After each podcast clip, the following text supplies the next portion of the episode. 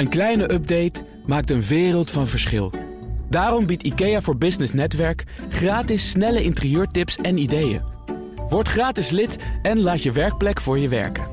IKEA, een wereld aan ideeën. BNR Nieuwsradio. BNR Zaken doen. Thomas van Zeil. Wat wordt de impact van 5G op Nederland? Daarover wordt hier druk gedebatteerd op het Telecom Insights congres van Telecom Paper. Maar wij bespreken nu het belangrijkste nieuws uit en over de boardroom. Deze week in het nieuws. Kunnen banken het nog goed doen? Nu is het ABN AMRO dat weer eens wordt berispt. En Eneco valt in Japanse handen. Is dat goed? En ook goed voor Nederland? Mijn gasten zijn Stefan Pij, directeur en oprichter van de Governance University, ook boardroom adviseur. Hugo Reumkes, partner en advocaat bij Van Doornen en voorzitter van de Raad van Toezicht van de Tilburg University. En mijn zakenpartner van vandaag, Annemieke Robeek, commissaris bij onder andere ABN AMRO... en hoogleraar strategie en transformatiemanagement aan de Nijrode Business Universiteit. Voorzitter van Social Finance NL. Welkom allen. Dank. Hallo. Laten we beginnen met een mega-deal die eerder deze week bekend werd. Namelijk dat Eneco in handen komt van het Japanse Mitsubishi voor een bedrag van 4,1 miljard euro. En daarmee troeven de Japanners onder andere Shell en Rabobank af. Ik wil bij jou beginnen, Hugo. Wat vond je ervan? Ja, een mooie deal. Uh, uh, sowieso uh, interessant om te zien dat de derde eigenlijk een rij nu, nu verkocht wordt. prachtig voor de gemeenten die erbij betrokken zijn. Maar ook weer een uitdaging. Hoe ga je nou met die opbrengsten om? Wat, wat, ga je ermee doen? Iedereen staat in de rijen om de wenslijstje in te dienen. Uh, maar moet dat bijvoorbeeld via het Wiebes of Wopke-fonds constructie? Of gaan we dat juist op een andere manier besteden? Het is ook niet zo dat iedere aandeelhouder er evenveel van profiteert, geloof ik. Er zijn grote verschillen. Ja, ja, Rotterdam springt er volgens mij wel echt uit. Maar zelfs de gemeente waar ik woon profiteert ervan. Dus wij waren ook al aan het Jij kijken. hebt ook je wensenlijstje. zeker, zeker. Um, en, en, je zegt de derde in rij die verkocht wordt. Toch nog even aan wie Eneco dan verkocht wordt. Want uh, er is heel veel over gespeculeerd. Shell, Rabobank, KPMG is genoemd. Er zijn een paar partijen doorgegaan naar een volgende ronde. Maar Mitsubishi, dat was voor heel veel mensen toch wel het konijn uit de hoge hoed. Hebben we niet goed opgelet of is het heel goed geheim gehouden? Wat denken jullie? Nou, nou. Ze, ze, waren niet zo heel erg dominant in de, in de uh, biedingen. Maar ze hebben het, wel, het spel heel slim gespeeld. Ik denk dat het uh, wel weer is dat uh, als je met heel veel geld komt, dat je dan ook uh, snel overtuigt hier in dit land. want misschien ook wel omdat ik iets meer weet, omdat ik natuurlijk ook met PGGM iets heb, voorzitter van de Advisory Board for Responsible Investment. Het was natuurlijk toch wel een manier ook om. Um, die verduurzaming, die heel sterk in Eneco zat, nog sterker door te trekken in ons land. En um, misschien hebben we niet goed, genoeg opgelet, maar het is natuurlijk wel de vraag in hoeverre die duurzame gedachte ook um, verder ingezet gaat worden. Want dat is natuurlijk wel waar Eneco voor stond, voor staat. En het is inderdaad een uh, ja, groene parel in de kroon. Maar het is ook niet zo dat Mitsubishi een uh, beginneling is op het gebied van uh, duurzame energie, toch? Nee, en kijk, zij konden natuurlijk ook zoveel bieden, omdat zij ook een stepping stone wilden hebben in de Europese markt. En dan, als je het vanuit dat oogpunt bekijkt, is het ook heel interessant. Want dan kunnen wij weer echt ook vanuit Eneco in feite weer die innovatieve kant op gaan. Dus het, het is een beetje mixed. Maar wat hier wordt gezegd, dat vind ik toch interessant dat jij dat constateert. Degene met de dikste portemonnee komt vaak ook het overtuigendst over. Is het zo simpel? Nou, we hebben bij Vivat ook gezien. Nou ja, we zijn een heel open land, hè, dus wat dat betreft staan wij al snel open voor buitenlanders. En, uh, kijk, aan nou, de ene als kant. ze genoeg geld meenemen, kennelijk. Ja, als ze genoeg geld meenemen, dan kun je zeggen: ja, is het dan de uitverkoop van Nederland? Ja, dat is een beetje gemopper achteraf. Want het is natuurlijk, net als Hugo al zegt, de derde op rij speelt al jaar. Het is uitvoering van beleid, dus het is gemopper achteraf. Aan de andere kant kun je misschien niet verwachten dat uh, buitenlandse partijen zo intrinsiek gemotiveerd zijn om de Nederlandse energiebelangen goed te dienen. Uh, zij, zij willen een stevige marktpositie en geld verdienen. En de vraag is dan wat dat bijvoorbeeld betekent voor de energietransitie. Uh, hoe groen zijn ze en hebben zij genoeg oog voor onze milieudoelstellingen?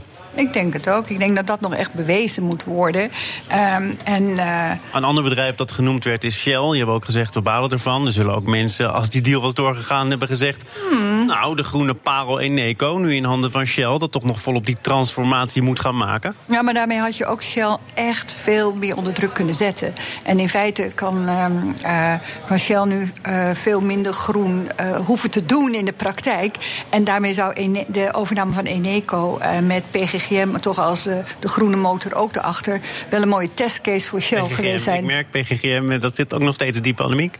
Nee, maar ik bedoel, je, je ziet wat het spectrum is. En ik, ik denk dat um, uh, de, de Nederlandse partijen, ook de Rabobank... vooral op die duurzaamheid uh, hebben zitten duwen. daarmee wilden ze, en de energietransitie, zoals jij terecht zegt... daar wilden ze een boost aan geven. En met deze nieuwe partij moeten we misschien ja, dat beter gaan inleiden en begeleiden en kijken hoe dat dan gaat. Hugo. Ja, wat interessant is, je zei het net zelf, hebben we niet goed zitten opletten. Uh, misschien is dat wel zo, want uh, Mitsubishi en, en Eneco hebben wel samen al samenwerkingen op het gebied van, van, van dit soort energietransities. Uh, een batterijproject, wat echt wel tot de verbeelding spreekt, bijvoorbeeld, was er wel. Dus die samenwerking, die, die, ja, dat hebben ze slim aangepakt. Er zijn andere Japanse bedrijven die in Rotterdam ook heel succesvol zijn in de, in de haven. Dus het is niet een, een, een eendagsvlieg volgens mij die zomaar voorbij komt. En ik denk dat de Japanners echt wel een serieus plan hebben. Van de andere kant, ze hebben in Japan zelf ook veel met, met steenkolen en zo gedaan. Dus ook daar hebben ze misschien wel wat uit te leggen. Maar de samenwerking, die zie ik wel zitten. Zijn er ook zaken waarvan jullie vinden dat die zo cruciaal zijn tot onze kritieke infrastructuur horen. En je zou het een nutsbedrijf kunnen noemen. Het gaat om energievoorziening. Die horen eigenlijk in Nederlandse handen of bestaat dat niet meer, Stefan?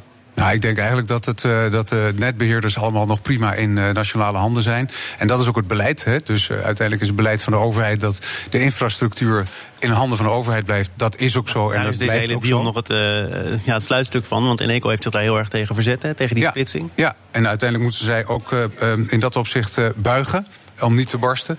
Um, maar wat het, het, punt is, is dat het wat mij betreft gewoon niet goed is uitgelegd. Je hebt een stuk publieke uh, verontwaardiging.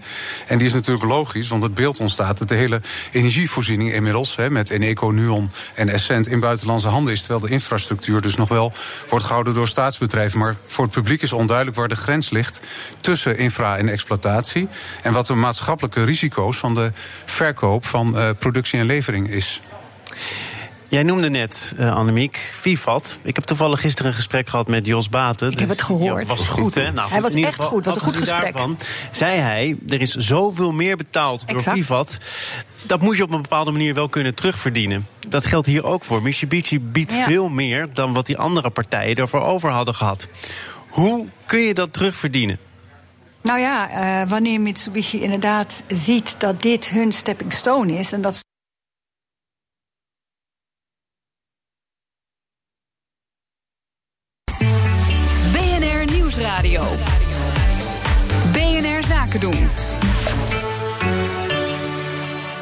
Hopelijk weer terug met het boardroompanel vanaf het uh, Telecom Paper Congres over 5G. Schoot hier de verbinding eventjes de verkeerde kant op. Te gast zijn Stefan Pij, Hugo Ruimkes en Annemieke Robeek, mijn zakenpartner. En we hadden het over dat megabot van Mitsubishi op Eneco en hoe je dat dan terugverdient die Japanners die zien daar natuurlijk allerlei mogelijkheden toe. Ja, Annemiek... en ik denk dat er twee dingen zijn. Die Japanners hebben altijd een long-term vision. En ik denk dat dat een belangrijke is. Uh, zij komen hier heel strategisch uh, om uh, vanuit die duurzame energietransitie een slag te slaan. Dat zullen ze niet tot Nederland beperken.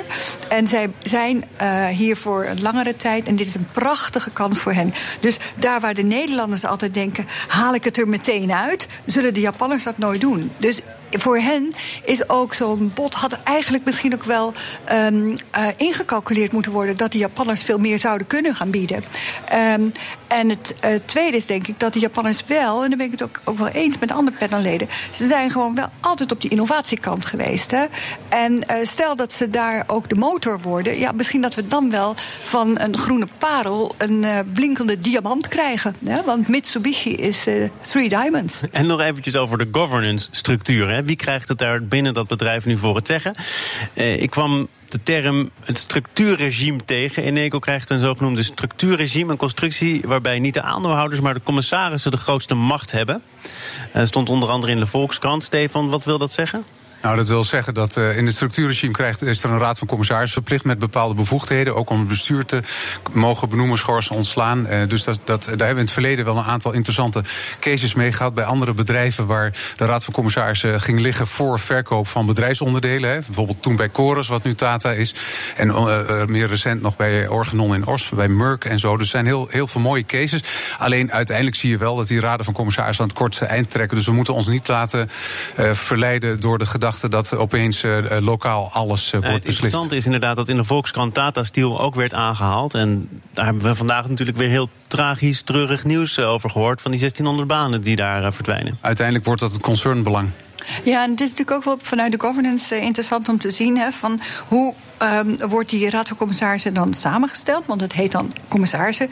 Maar zijn daar dan um, uh, Nederlandse commissarissen in de meerderheid? En zijn daar dan afhankelijke commissarissen vanuit Mitsubishi uh, bij. Uh, dat is natuurlijk ook nog wel iets waar je naar kan kijken. Maar, maar dus, we, dus... Hebben, we hebben voorbeelden waarbij het heel goed gaat, hè, wanneer je deze gecombineerde raden hebt.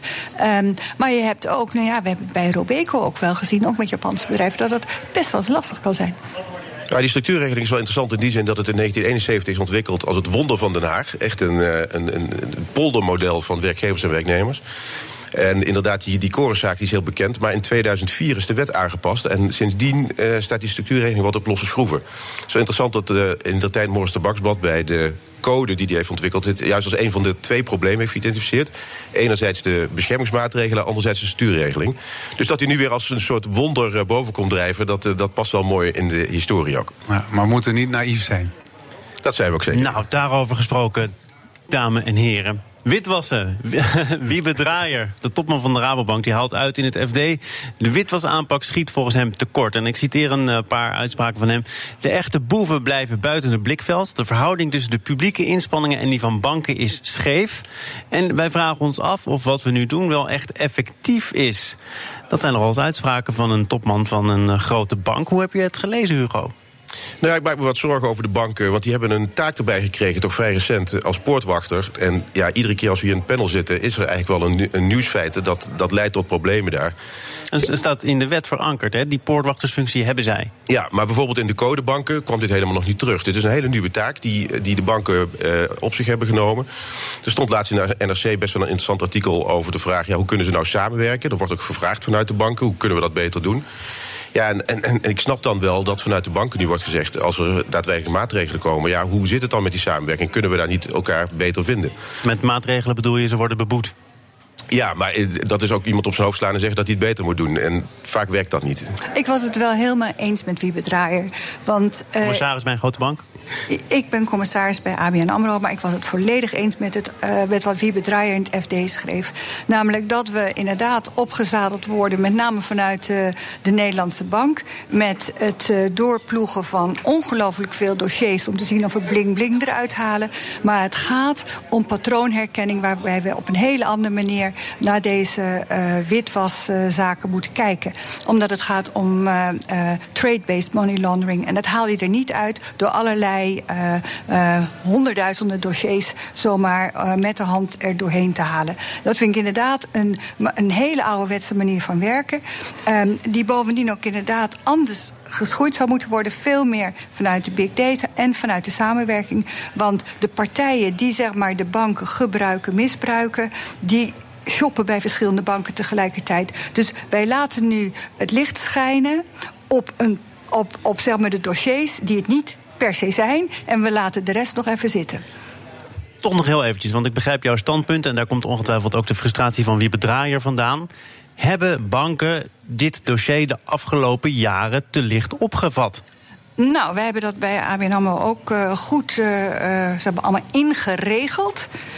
Maar ja, dus zeg maar, en dat hebben we ook laten controleren. En dan zie je ook, de procedures zijn er allemaal. Door wie heb je het laten controleren? Wie gaat er dan over? De toezichthouder? Of? Nee, de toezichthouder. En we hebben daar een speciaal bedrijf voor, voor laten komen. Een internationaal bedrijf die ons een maand lang helemaal heeft doorgelicht. Okay. Um, Promontory. Um, en wat je daar ziet is dat op papier is het er, alle, alle uh, uh, personen zijn er die dat moeten gaan doen. Er is binnen de financiële sector wel een probleempje. En dat heet discipline. Ook opvolgen wat je moet gaan doen. Ik denk dat deze kluif te groot is voor, voor de banken. Dit, dat de banken dit niet volhouden. Nou, de, de, de, uh, de boeven, zoals die in het artikel worden genoemd, zijn natuurlijk goed georganiseerd, maken veel omzet, kunnen veel impact maken. Dus die banken houden dat gewoon niet, uh, niet vol. Ze krijgen wel een erg grote opdracht voor een uh, erg belangrijk onderwerp dat eigenlijk ook betrekking heeft op de staatsveiligheid. Ja. En de banken hebben natuurlijk een belangrijke signaleringsfunctie, moet je ook zo houden. Ze werken toch ook samen met uh, publieke instanties zoals de FIOD, het OM, de FIU? Ja, maar Ja, daar wordt maar nu een soort proefproject wordt er gestart. En een proefproject denk ik, nou, hopelijk eh, is dat goed. Maar ik zou zeggen, alle da- eh, samenwerken, alle data toepassen, publieke data van FIOD, OM, zoals Ja. jij al noemt, Thomas, en van henzelf, dat, dat leidt tot big data. En als je dat niet gaat doen, red je het niet. Nee, en ik denk dat het heel goed is dat Jeroen Rijpkema eh, deze ehm, samenwerking ehm, in ontwikkeling gaat leiden. Eh, maar dan zijn we er nog niet. Want het probleem bij het witwassen is dat het een, eh, eigenlijk nationaal zogenaamd opgelost moet worden, terwijl het een internationaal vraagstuk is. En dat betekent dat ik het heel graag zou willen zien dat we dit samen met de Nordics gaan oplossen. Want daar zitten natuurlijk ook de banken die. eh, Giga problemen hebben. Nou, dan beter met elkaar kijken hoe het zit. Danske Bank bedoel je onder andere? Bijvoorbeeld, maar er zijn er meer. En dan gaat het over 200 miljard wat er doorheen gegaan is. Ja, de banken worden ook een beetje geconfronteerd met de problemen die eerder zijn ontstaan in eigen leningen. Eh, bijvoorbeeld de kwaliteit van de data waarop dit moet worden gedaan, die is nog wel, die laten wensen over. Dus je kunt die systemen niet automatisch zomaar op big data loslaten. En een ander probleem is dat in de crisis veel mensen die goed kennis hebben van de systemen en de processen bij de banken zijn vertrokken. En je werkt dus nu met afdelingen die elkaar niet weten te vinden in, in dit soort eh, uitdagende projecten. En ik denk dat dat ook echt een groot probleem is waar de banken op dit moment mee worstelen. Zie je wel dat die banken heel veel mensen aantrekken. Hè? Het gaat Duizenden. over duizenden medewerkers. Duizenden. Dat zegt Liebe Draaier in het interview. En dat vond ik toch nog interessant om even aan te halen. We praten helemaal niet over of het rendabel is om die rekeninghouder nog een rekening aan te bieden. Maar speelt dat op de achtergrond toch een rol? Namelijk de kosten die die banken maken. En het feit dat daar ook nog iets op verdiend moet worden? Of Nee, helemaal- dit is gewoon pure plicht vanuit de DNB. Dit is gewoon opgelegd en je krijgt gewoon te horen... voor 15 december moet u zoveel duizenden eh, dossiers eh, opgeleverd hebben. En, en daar komt echt niet om de hoek kijken... kunnen we hier nog wat aan verdienen? Nee, er komen eigenlijk nu, zie je dat heel veel mensen werk gaan doen... wat niet heel interessant is als bankier. En het kost heel erg veel geld. En het levert, net als wie bedraaier zegt... niet dat op wat we zouden willen hebben, namelijk clean banks. En als die banken niet voldoende hun best doen, dan kan dat ook nog wel eens gevolgen hebben. Want in oktober werd bekend dat de top van ING misschien toch strafrechtelijk vervolgd kan worden voor witwaspraktijken bij de bank. Ja, dan wordt het allemaal net wat minder prettig in die boardroom, lijkt mij zo. Wat wel interessant is, is dat Wiebe Draaier alleen eh, eh, eh, de. Eh, eh, het interview gaf. Hè? Eh, Wiebe Draaier gaf alleen dat interview. Je zou zeggen, waarom zitten daar niet de CEO's van alle systeembanken? Misschien omdat ze al boetes hebben gehad en worden geschoren... en dus een beetje stil blijven zitten, ik weet het niet. Maar hij praat wel namens de hele sector als hij het heeft over... er zijn 8000 medewerkers in de hele sector mee bezig. Waarvan volgens mij zei hij iets van 2600 bij de Rabobank. Ja. Dus hij praat namens de sector, maar hij zit daar duidelijk in persoon. En dat vond ik wel een interessante. Ik wil naar een eh, andere interessante bankenkwestie gaan, Annemiek. Ik eh, Ja. kan er niks aan doen, maar ik kijk jou toch ook even aan. Ja. Ehm, de andere boetezaak die gaat over ABN AMRO. Dat krijgt namelijk een boete van 2 miljoen... omdat de bank heeft nagelaten op tijd door te geven... dat bestuursvoorzitter Gerrit Salm vervroegd ging aftreden. Daar stond een artikel over in het FD. En dan zou je kunnen zeggen dat is voorwetenschap. Daar hoor je ook je aandeelhouders eh, over te informeren. Wat kun je daarover kwijt? Nou, ik moet een beetje voorzichtig zijn, dat begrijp je. We hebben dat gisteren ook wel besproken op de bank. Ehm, maar dit is een zaak uit 2016. Ja, we leven nu eh, bijna op het eind van 2019. En AFM heeft eh, ehm, eigenlijk deze hele zaak ehm, op het spits gedreven vanwege het lekken van heel eh, precieze informatie in de zomer van 2016 naar het FD. En eigenlijk worden wij beboet vanwege het feit dat, er, dat dit vanuit de kranten naar boven gekomen is. Terwijl als je kijkt naar de passages die het AFM in het eigen rapport zet, dan zie je hoe ongelooflijk zorgvuldig de voorzitters, uh, of het nou van de Raad van Commissarissen of van de uh, Remuneratiecommissie is, heel voorzichtig geopereerd hebben. Hoe uh, zorgvuldig dat gegaan is met de NLFI, met het ministerie van Financiën. Maar je kunt in dit land een 2 miljoen boete krijgen voor het feit dat iets gelekt is. Ik wil beginnen met uh, jouw eerste verweer, namelijk het is nu 2019, dit speelt in 2016. Dat maakt toch niet zoveel uit? Als er iets niet klopt, dan klopt iets toch niet? Nee, maar de, je, je kunt je wel afvragen waarom een AFM in deze benoemingszaak, die echt. En ik, ben er deels bij geweest, um, heel zorgvuldig gegaan is. Uh, met altijd uh, uh, in het achterhoofd uh, dat er juist koersgevoelige informatie, zodra dat wel zou zijn, dan zou dat gemeld moeten worden.